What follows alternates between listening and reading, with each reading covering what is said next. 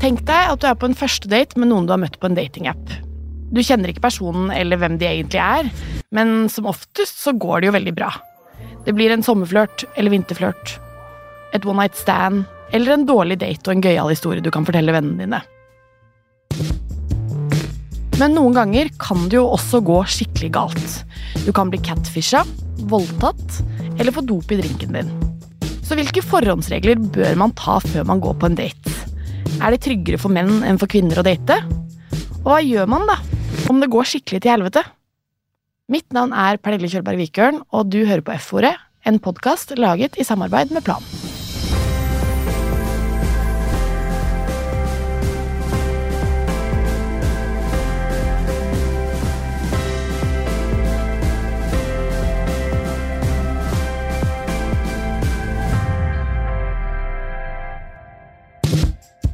Cecilie Fjelløy er for mange kjent fra Netflix-serien Tindersvindleren.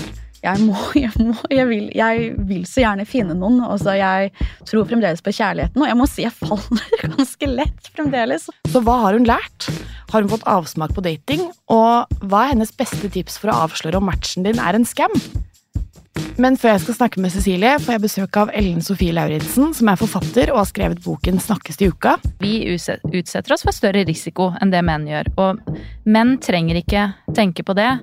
Ellen, som hadde vært singel et par år, bestemte seg noe motvillig for å gi dateappen Tinder en sjanse, og det åpnet en dør til en helt ny verden, der du alltid kan sveipe deg videre til neste date, og hvor tilgangen på interessante mennesker aldri tar slutt. Men etter hvert merket Ellen at Tinder-livet hadde en skyggeside. For mitt vedkommende handla det jo mest om hvordan jeg eh, ble behandla eh, på de ulike appene. Ja. Men også hvordan jeg etter hvert behandla andre. Eh, for jeg ble ganske jeg ble ganske kjip etter hvert eh, mot folk jeg enten sveipet på hjertet eller skulle på date med, eller hadde vært på date med. Mm. Um, og det går jo på da det vi kaller for ghosting, benching osv. Og, og det òg, Ikke sant. Jeg gikk jo inn i Tinder ikke fordi jeg ønsket å få meg en kjæreste, Nei. men jeg eh, bodde i jeg hadde nettopp flytta til USA, det var en ny by. Jeg var Det er en fin måte å treffe noen på, liksom. Det det, mm. Og det gjorde jeg. Uh, men jeg merket at da jeg kom tilbake til Oslo og faktisk var rundt ja, nesten 30 og kjente at jeg begynte å uh, ha lyst på kjæreste eller ha lyst på noe annet, da, mm. så ble det um, ikke bare vanskeligere, men uh, det ble sårere på et vis når man blir valgt bort, da, hvis du ja. blir valgt bort igjen og igjen, så tror jeg det kan gjøre noe med Eller så vet jeg at det kan gjøre noe med selvtilliten og selvfølelsen. Åh, oh, ja, den følelsen av å bli valgt bort er sykt vond. Mm. Og så er det jo noe med, på den andre siden av det, så er det jo mange kvinner som kan være litt sånn redde for å date fordi de er liksom redd for sin egen sikkerhet på et vis. Og det også er jo veldig dumt. Da tar vi masse forhåndsregler og hele den greia der. Mm. Gjør du det òg? Jeg husker at jeg allierte meg med venninner. Ikke sånn at du må sitte i en krok i baren fordi jeg skal møte han fyren her, men mer enn sånn hvis jeg visste at uh, jeg skulle til et nytt sted med en helt ny fyr som ingen altså det, Først er det jo det å gjøre research på personen, ja, ja. men hvis man ikke har noen felles venner, og man ikke har klart å finne ut av hvem, hvem er det jeg egentlig skal møte, mm. um, da husker jeg at jeg, at jeg, eh, jeg hadde i hvert fall en slags sånn ok, nå er jeg det går bra, tommel opp, ja. eh, sende melding, eller nå er jeg hjemme. Eh, og forskning sier jo at vi bør være redde. Mm. Uh, på et vis. Ja, ja. Altså sånn statistikk Og det bør vi jo, egentlig, dessverre. Og det er liksom veldig synd, men hvordan kan vi da liksom sånn Finnes det noen måter vi kan bli tryggere på date på? Altså sånn, Ikke sånn tryggere i selvtilliten, men fysisk tryggere? Mm. Ja, det er vanskelig, altså. fordi Let's face it. Altså, menn er jo sterkere mm. enn kvinner, eh, som regel. Eh, hvis vi skal snakke generelt, da. Ja. Så har jo vi, vi Vi går jo rundt med en annen Jeg vil ikke kalle det en frykt, men bare en, en eh, utrygghet som, som, kanskje ikke er der hele tiden, men den er en del av det å være kvinne. At man kan ikke gjøre det, alt det menn kan. Når Nei. menn kan Vi kan jo det, men vi utsetter oss for større risiko enn det menn gjør. Og ja. menn trenger ikke tenke på det. Men jeg har reagert på det før når jeg har snakka med kompiser som har Jeg skulle være én kompis som han hadde chatta med en dame og han var i utlandet, og hun var i Norge, og så hadde de ikke møttes, men de hadde bare chatta masse. Og han Mm. følte liksom at han kjente henne, og de var skikkelig gira på å møtes. Og han var på reise, dro rett fra Gardermoen og til henne. Ja. Og hans største, på en måte, hva skal jeg si, risiko som han tok, var at hun ikke så helt ut som på bildene, som ble ble Ja. Men han, men han dro likevel, ble med henne hjem og overnatta. ja. Mens der tenker jeg at risikoen Han tenkte ikke noe på at ok, men her kan jeg bli voldtatt eller ja, slått Ja. eller eh, Fordi han trenger ikke tenke på det. Nei. Og det er en, eh, en luksus eh, som menn har. Um, men tilbake til spørsmålet ditt, eh, hvordan man kan kjenne seg fysisk tryggere. enn ei selvforsvarskurs. Mm. Um, altså ikke det at man Jeg oppfordrer ikke til vold, men bare det der å kunne føle føler- seg ja. sterk på et vis. Mm. Uh, Og du har jo også vært på en date som ble ganske ubehagelig. Kan du fortelle litt om det? mm.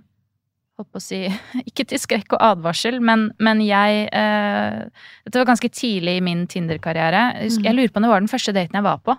Hvis ikke jeg tar helt feil. Altså, jeg hadde chatta med en del, men jeg skulle møte en, en fyr som så veldig søt ut, og hadde liksom alle de riktige? Han var sånn film, dokumentarfilmskaper fra Brooklyn med litt sånn søte krøller og bare så veldig søt ut, og jeg husker ikke helt hva han skrev på profilen sin, men jeg, men jeg følte liksom at ah, men han vet jeg hvem jeg er. Ja, du var sjarmert, liksom. Jeg ble liksom. sjarmert, Mm. og jeg kjenner typen.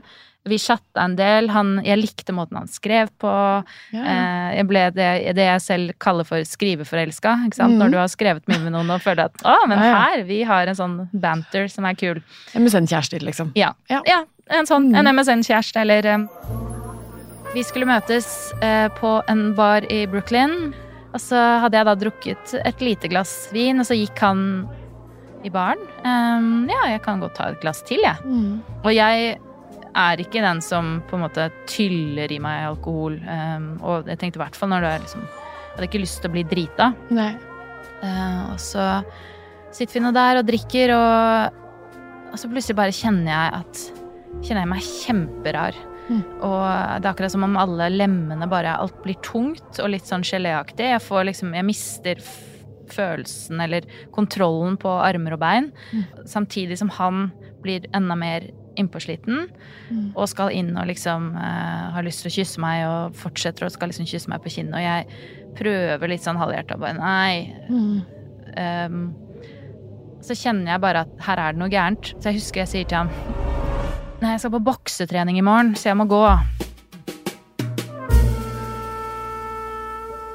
Eh, og, og han Jeg må ha en taxi, liksom. Vi gikk, eh, gikk vi ut, og jeg fikk praia en taxi. Og så plutselig så sitter han ved siden av meg i taxien um, og, og sier sånn Let's just get naked. Og, så jeg var jo Jeg husker dette her, men, men kroppen min var, var altså som blylodd. Ja. Um, men jeg tror taxisjåføren, om han kanskje skjønte at noe var litt gærent, fordi da jeg kom Da, jeg, da taxien kjørte til der jeg bodde, og så klarte jeg liksom å få opp døra og komme meg ut, og da og da kjørte taxien igjen. Han bare liksom tok en sving, en U-sving, Ja. og bare Så var han Tok med seg fyren, rett og slett. fyren. Og jeg sto kjempelenge og prøvde å få nøkkelen inn i nøkkelhullet, og, og dagen etter så var jeg så syk som jeg Altså, jeg var så dårlig som jeg virkelig aldri har vært i hele mitt liv.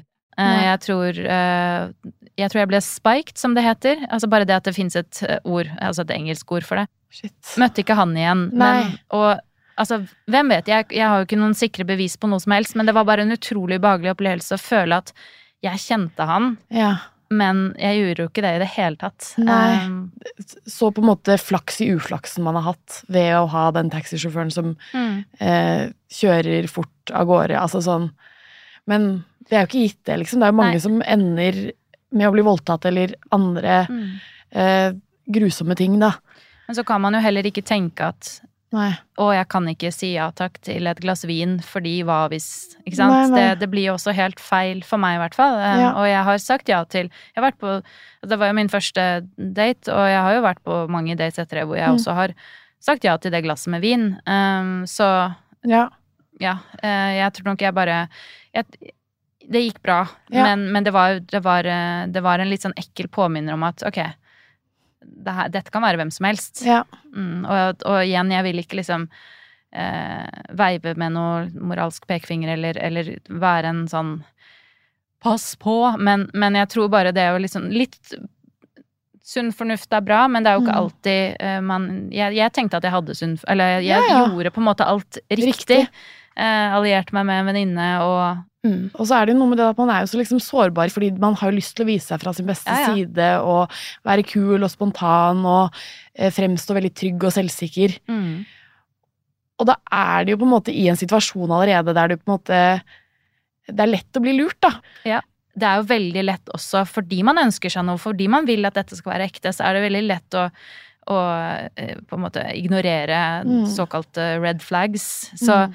der kan man jo kanskje, og det har jeg selv gjort, men, men jeg, jeg likte han og ville liksom like han, eh, og da bare ignorerte. Det var liksom bare Det var ikke bare røde flagg, men det var sånn trompeter og basuner og pauker. Ikke sant? Det var alt, og jeg bare Nei, nei, det, det går fint. Ja, ja. Han er ikke sånn. Og så var han jo sånn. Ellen har jo vært en del år i gamet, og hun har jo merket hvordan det er lett å bli kynisk og jævlig av det. Fordi man blir jo veldig kritisk til alle disse menneskene som det eneste du egentlig vet noe om, er et bilde. Men det er også viktig å ta noen forhåndsregler. Meld til en venn hvor du er og når du er hjemme. Men jeg vil jo fortsatt at folk skal date, liksom. Jeg vil jo at dere skal møte de dere vil møte. Så ikke begrens deg. Men ta et par forhåndsregler. Ta kanskje det selvforsvarskurset. Det kan jo ikke skade. For noen ganger så går det jo til helvete. Og noen som har blitt skikkelig lurt av en Tinder-date, det er Cecilie Fjellhøy.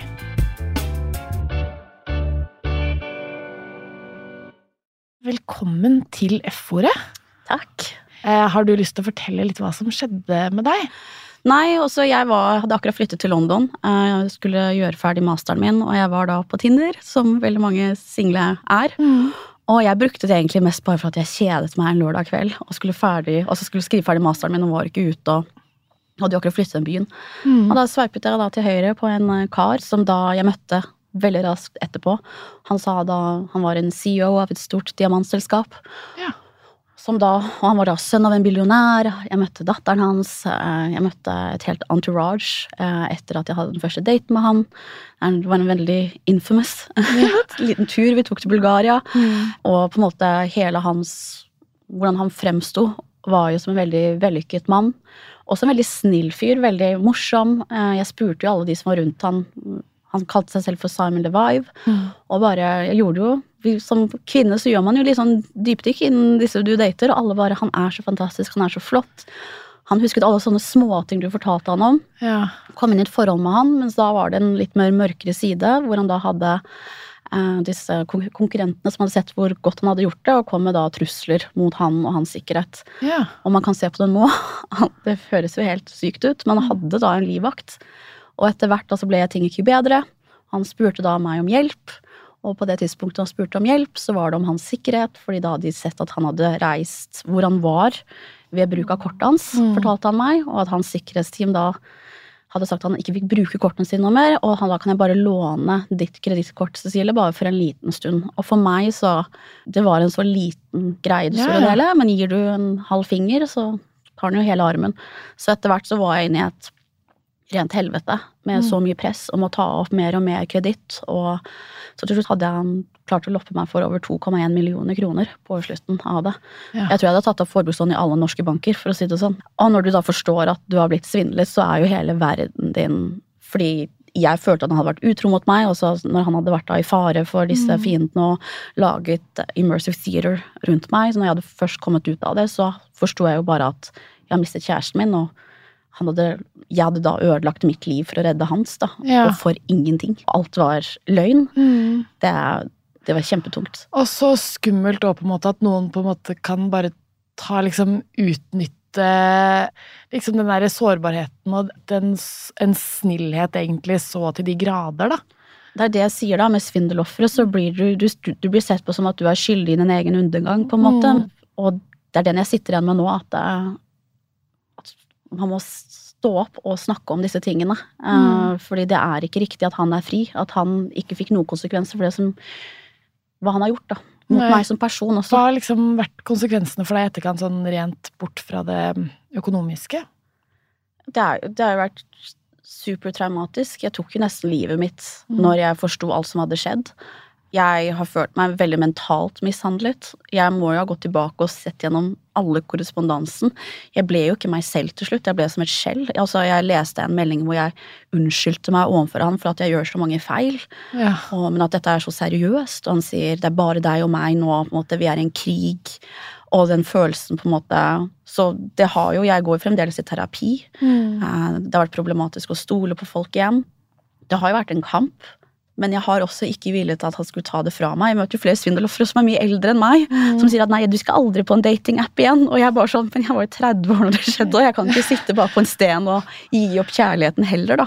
Så det har vært noe inni meg som har vært den kampen om at jeg vil ikke at han skal føle at jeg, kan, jeg vil ikke sitte her og si jeg skal aldri stole på noen igjen, for det, du kan ikke være et menneske uten at vi stoler på hverandre. Nei, nei. Hvis konsekvensene av det du har opplevd, skulle vært at du på en måte bare var sånn Nei, men da det blir jeg sittende, jeg, i dette rommet her. For alltid. For alltid. Jeg skal ikke ut og møte noen, skal ikke Skal aldri på en måte Det hadde jo vært en mye mørkere konsekvens hvis du Ja. hadde begrenset livet ditt 100% som en etterfølge, liksom. Mm. For det er det jeg prøvde å si, at søker man etter kjærlighet, så er man sårbar. Og noen Mm. ganger så syns jeg at uh, meldingene når det kommer til å passe seg for kjærlighetssvindel og sånne ting, så er det nesten som at eh, man er litt dum hvis man tror at noen skal elske en, eller hvis du skjønner, jeg mener sånn altså, lovebombing, og det forstår jeg veldig godt. Det var det som skjedde med meg, at det var veldig mye kjærlighet veldig tidlig. Og, mens vi er jo alle, forskjellige, og jeg, jeg dessverre så syns jeg det er kjempe Jeg faller superlett og superraskt. Mm. Men det på en måte å si at du er dum hvis du har trodd på at noen har elsket en, da. Sånn som jeg noen ganger har fått. Da hvordan kunne du tro at han eh, likte deg, på en måte? Og så ble jeg litt sånn der, ja, men vi vil jo aldri ha kjærlighet. Og jeg var jo i en alder hvor Jeg var 29 når jeg traff han. At du er veldig klar også. Så jeg følte meg egentlig superheldig. Og nå følte jeg endelig så klaffet det for meg også. Altså, Ja, ja. dette her var jo perfekt. Og jeg var så glad. Og, men jeg ser tilbake på meldingene som jeg var Jeg er jo ikke den samme personen nå. Nei. Jeg må sørge over tapet av den personen jeg var før dette skjedde med meg. For Mm. hun var full av liv, og hun bare hun bare lot seg selv falle, da. Ja. Og, og det, jeg, jeg syns det er vakkert, Ja, jeg, da. det syns jeg òg. Ja. Det er kjempefint. Um, hva, har det vært, hatt noen konsekvenser for måten du dater på og sånn nå, da? Eh, som liksom 29-åring så var du liksom en sånn Falt fort og var liksom fri og gjorde alle de tingene der, liksom. Hvordan er forholdet ditt til dating nå? Det, det gjør litt vondt å ha Jeg føler at man har en bagasje, selv om Mm. man ikke skal se på det på den måten. De googler jo meg, på en måte, og Mm. kanskje altså vil kanskje ikke date deg på bakgrunn av hva du har vært igjennom, eller de vil på en måte ikke håndtere det. Så jeg dater annerledes. Jeg dater jo ikke like mye, Nei. men jeg kan ikke gi opp heller. Jeg må, jeg må, jeg vil, jeg vil så gjerne finne noen. Altså, jeg tror fremdeles på kjærligheten, og jeg må si jeg faller ganske lett fremdeles. Jeg elsker kjærlighet, på en måte, så det er jo ikke det. Det er kjempefint. Altså, jeg ble sånn varm i magen av det. Det er utrolig fint. Ja. Mm. Men tar du noen forhåndsregler nå som du ikke gjorde da du var liksom 28-29? For meg så er det litt sånn Online dating er nesten som at hvis du bare møter noen i en bar, du vet ikke noe mer om den personen du møter i en bar. De kan si at den heter hva som helst, og du kan bare gi dem et nummer. Så Ja. for meg så er det sånn, du må alltid tenke over. Ja. Hvordan, har du noen tips til hvordan vi kan liksom luke ut oh. eh, på appene? Å, ja, ja, ja. Ja. Facecheck.id er en fantastisk plattform som bruker AI nå for å kjenne igjen ansikter, ikke bare direkte bilder. Men eh, så hvis du bruker den, og du ser at det er x antall profiler som bruker det bildet, mest sannsynlig så er den fake. ja. Hvis de vil av plattformen veldig raskt, vil få deg over på Messenger eller- WhatsApp eller hva man enn bruker nå. Ja, og er liksom. sånn. Vær påpasselig med det i starten, fordi appene har veldig mye god teknologi til å se om det er noen som kanskje begynner å spørre om penger på plattformen. Mm. Og nå er det kjempeviktig å forstå at kjærlighetssvindel er mye mer enn bare hvis noen vil ha noe hjelp. ja. Altså Min er veldig sånn typisk 'save me from my enemies', som har blitt Jeg må bare le litt, litt nå. Men, også, men nå er det gjerne investeringer som de vil få deg til å gjøre. Cryptocurrency, på en måte. Kanskje har du hørt om bitcoin og sånne Ja. ting. Og før så var det sånn 'Å, jeg ikke gir fra deg pengene dine', men i disse tilfellene så ser du jo at du tjener penger, så det, er- da tenker du ikke at du blir svindlet. Nei. Men alt er fake. Og alt er veldig profesjonelt lagt opp til at du tror at du investerer pengene dine og tjener penger. Så det er veldig viktig. Og så det er mer sånn hvilke type okkupasjoner de har, og hvis de er kanskje en lege eller militær eller oljeriggarbeider, men vi, veldig mye i Norge så klarer vi å se noe av dette hvis det er litt gebrokkent. Men det må vi tenke på når ny teknologi kommer nå. Så kommer Mm. både disse til å være mye smartere, og de kommer, ikke- det kommer ikke være like lett å se det. Og, det. og de kan også gjøre videosamtaler nå. Så mange sier at hvis du blir, hvis du blir catfished, Ja. så gjør det ikke en videosamtale, men det har begynt å komme nå også. Så ved å bruke deepfakes. Så vi må være veldig påpasselige etter hvert, og det er litt synd. Men jeg håper at datingappene kan begynne å bruke mye mer av denne teknologien til å faktisk fjerne mange flere av disse fake profilene som er der ute. ja. Og så på en måte kanskje være litt sånn obs på du, hvis du får en dårlig magefølelse på et eller annet tidspunkt, liksom. Kjenn på den, hør på den, Ja. tenker jeg da. Så som jeg har sagt i mitt eget tilfelle, vi har kalt det venterommet som veldig mye. Du er i en situasjon, du vet kanskje innerst inne dette her er ikke bra, men det er skummelt. Den tanken om at du går inn den døren, og du åpner den opp, og du vet ikke hva som skjer, hva som kommer til å skje på andre, Mm. den er mer skummel enn å bare bli sittende og vente og håpe at kanskje ting ordner seg sånn som det er. Men det er skummelt på en måte å bevege seg ut av en farlig eller vond situasjon. Mm. Veldig fint å ha deg på besøk. Tusen Takk for besøket. Det er jo både sjarmerende og beundringsverdig at Cecilie ikke lar seg knekke av å liksom ha gjennomgått det hun har gått gjennom. At hun fortsatt faller fort og syns at dating er spennende og liker kjærlighet. For jeg tror på en måte alle kan være litt sånn forsiktige når de går inn i dating, spesielt hvis de liksom har opplevd noe dumt før. Og da at man fortsatt gjør det og ikke stopper seg selv, det syns jeg er dritfint. Og så tenker jeg også det er viktig å huske på, sånn som Ellen sa, at eh, man tar forhåndsregler, og ikke minst eh, arresterer seg selv litt hvis man blir for kynisk. Det at en mens et menneske heter et navn som ikke du viber med, er liksom ikke god nok grunn til å ikke gi det mennesket en sjanse på datingfronten. Gunnar er sikkert en hyggelig fyr, han, liksom. Selv om han heter Gunnar.